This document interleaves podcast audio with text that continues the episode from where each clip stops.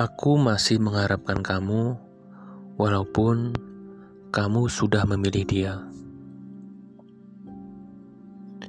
Jujur saja, sebenarnya aku sudah sering menangis.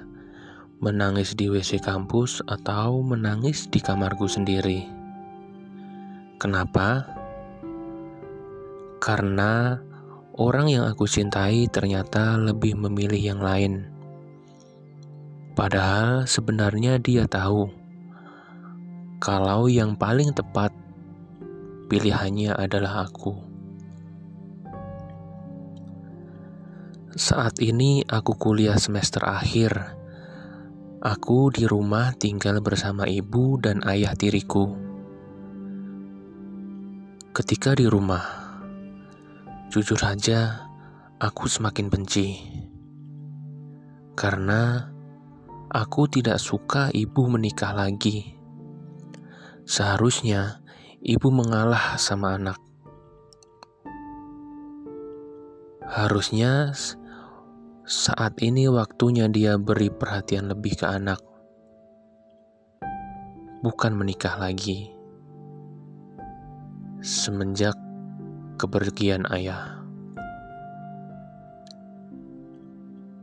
suatu pagi tiba-tiba ibu bertanya. Kamu kenapa tiap hari sedih? Sudahlah, lupakan. Nanti kamu jadi sakit loh. Ah, nggak apa-apa kok bu. Oh iya, ibu dan ayah minggu depan mau ke Semarang. Sekalian mau liburan ke Jogja. Kamu ikut aja ya, biar nggak stres, kata ibu. Kemudian aku berpikir sejenak. Dalam hati aku bilang, ini kan waktu yang aku tunggu. Sekalian buang stres dan buang masalah ini. Uh, boleh deh bu, aku ikut. Jawabku. Dua minggu kemudian,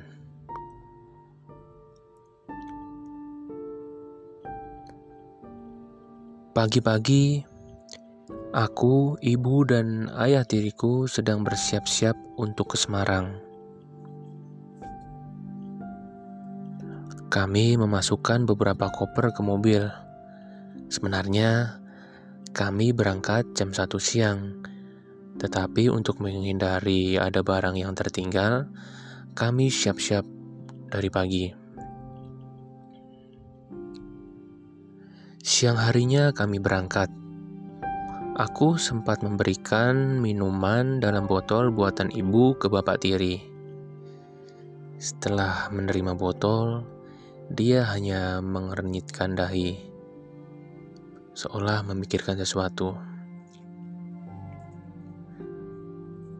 Selama perjalanan ke Semarang, aku hanya main game, kadang buka Instagram, dan aku juga sempat buat Insta Story. Uh, aku menulis uh, akhirnya liburan, bukan liburan biasa.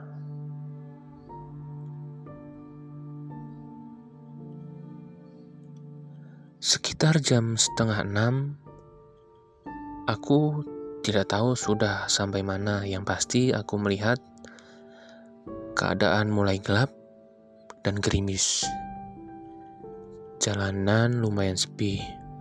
Mungkin karena hari itu hari kerja.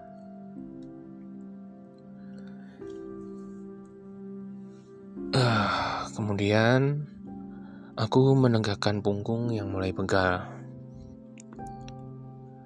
Aku memperhatikan ibu di sebelah kiri duduk baris kedua bersamaku. Ah, aku menghela nafas yang panjang. Aku kembali memikirkan hal-hal yang beberapa hari ini mengisi pikiranku, dan itu cukup membuatku sedih.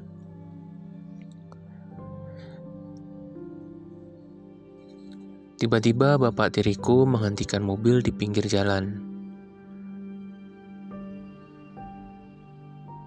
Kepalaku aku julurkan menengok keadaan di sebelah kiri.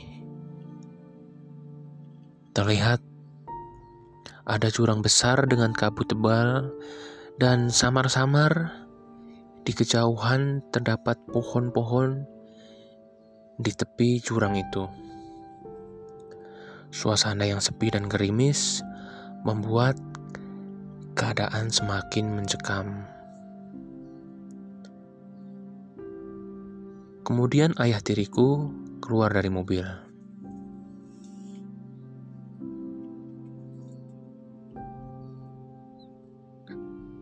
Sementara aku melihat ibu masih tidur di sampingku. Aku hanya tersenyum.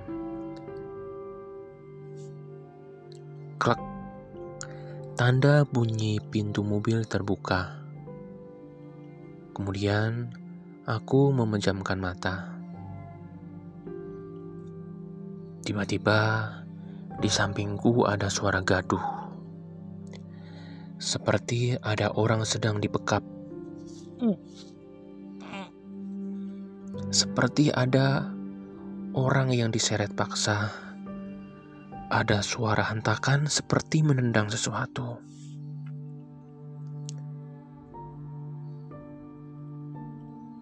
Lima belas menit berlalu.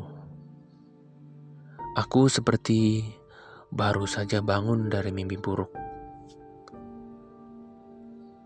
Brak. Bunyi pintu mobil tertutup. Di depan tampak ayah tiriku masuk ke dalam mobil. Kemudian pelan-pelan kepalaku menengok ke arah kiri. Dan ibu sudah tidak ada. Ibu sudah tidak duduk di sampingku. Tiba-tiba seperti ada perasaan kosong dan gelap masuk ke hati dan pikiranku. Malam harinya, di sebuah hotel di Semarang, aku merebahkan tubuhku di atas ranjang.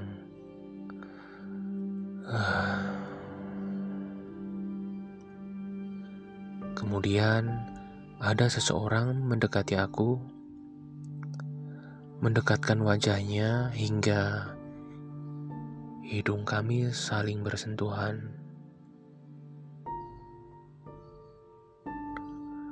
Mulai malam ini, kamu bukan ayah tiriku, kamu kekasihku.